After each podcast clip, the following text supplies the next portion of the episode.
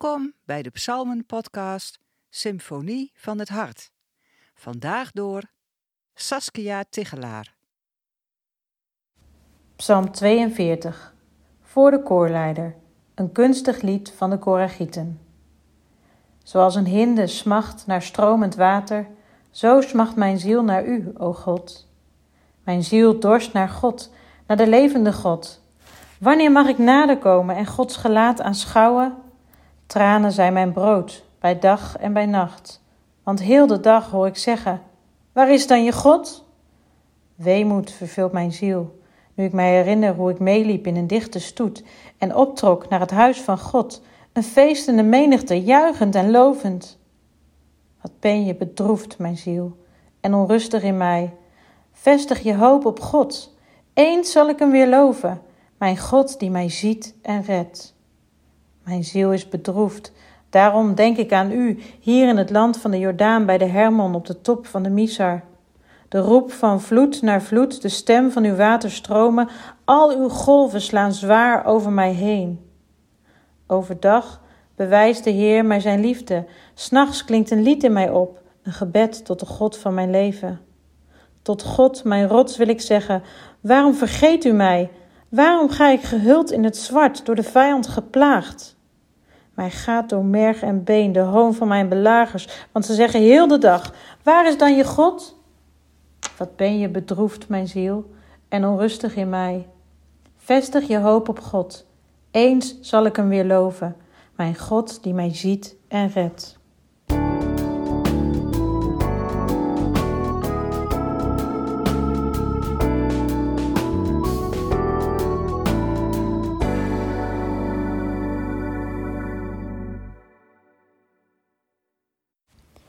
Het was op een donderdagmorgen. Voor me zat een vrouw aan tafel, haar ogen rood van het huilen.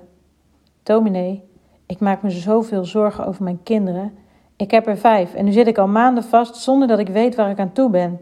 Door corona kan ik ze niet zien, want ze mogen niet met z'n allen komen.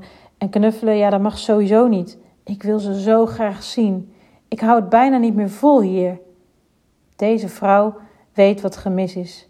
Juist omdat ze zulke mooie herinneringen heeft aan gezellige familiemomenten. Juist daarom is het gemis en het verlangen om met haar kinderen herenigd te worden extra groot. In de psalm van vandaag, die eigenlijk één geheel is met psalm 43, lezen we ook over iemand met een groot verlangen naar thuis. Waarschijnlijk was hij zelf ook een Koragiet, een van de leiders van de tempelzang. En voor de Koragieten was de tempel hun thuis, het was dé plek waar ze Gods aanwezigheid zo vaak hadden ervaren samen met medegelovigen. Daar wil hij zijn en weer een glimp opvangen van de Heer. Maar daar is hij niet. Hij is alleen en ver verwijderd van de tempel in Jeruzalem, ergens in het noorden van Israël. Hij is op de top van de Mizar bij de berg Hermon, waar de Jordaan ontspringt, een plek met veel watergeweld.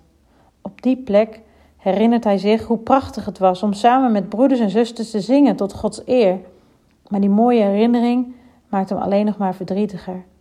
Zoals een hinde naar water verlangt, zo sterk verlangt hij naar die aanwezigheid van God, want hij weet wat hij mist.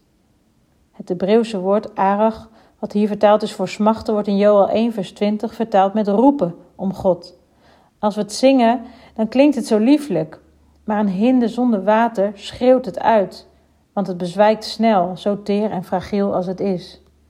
Deze man schreeuwt het ook uit naar God. Hij is ontzettend depressief. Het is zelfs zo erg dat het voor hem voelt alsof het watergeweld om hem heen, wat hij daar letterlijk ziet, hem zelf verplettert. En dat het God is die hier de aanstichter van is. Nee, in deze psalm horen we niet van de stok en de staf van de goede herder die hem vertroosten. In deze psalm geen happy end, want God komt hem niet tegemoet. Zelfs niet in de vorm van een medemens die hem bemoedigend toespreekt. Integendeel, de mensen om hem heen zien in zijn situatie eerder een bevestiging van Gods afwezigheid. Want spottend vragen ze: Waar is dan je God? Woorden die doen denken aan Matthäus 27, vers 43, waar de omstanders over Jezus zeggen: Hij heeft zijn vertrouwen in God gesteld. Laat die hem dan nu redden, als hij hem tenminste goed gezind is. Hij heeft immers gezegd: Ik ben de zoon van God. Toch zakt de psalmist niet weg in al die negativiteit.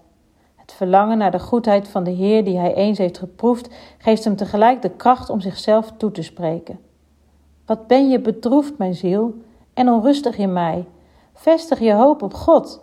Eens zal ik hem weer loven, de God die mij ziet en kent. En dat zijn geen loze woorden. Het zijn woorden gebaseerd op de ervaring van vroeger, het kennen van God en het gekend worden door God. Een prachtig beeld van een liefdesrelatie. Kennen en gekend worden.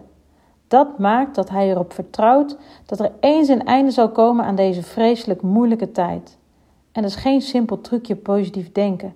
Het is een diep gelovig vertrouwen dat God geen theorie is, maar een levende God die naar hem omziet en dat er eens een moment zal komen waarop hij weer in Gods aanwezigheid zal zijn. Deze woorden doen denken aan Jezus bij het laatste avondmaal. Vanaf vandaag zal ik niet meer van de vrucht van de wijnstok drinken tot de dag komt dat ik er met jullie opnieuw van zal drinken in het koninkrijk van mijn Vader. Jezus is ons voorgegaan in het vertrouwen dat er na het lijden eens een moment komt waarop we in Gods nabijheid zullen zijn en ten diepste gekend en gezien zullen worden.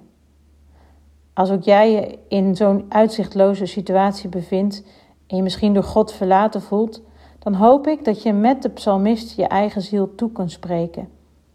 In het vertrouwen dat God jou ook ziet en zal redden. Wat ben je bedroefd, mijn ziel, en onrustig in mij. Vestig je hoop op God. Eens zal ik hem weer loven, mijn God die mij ziet en redt.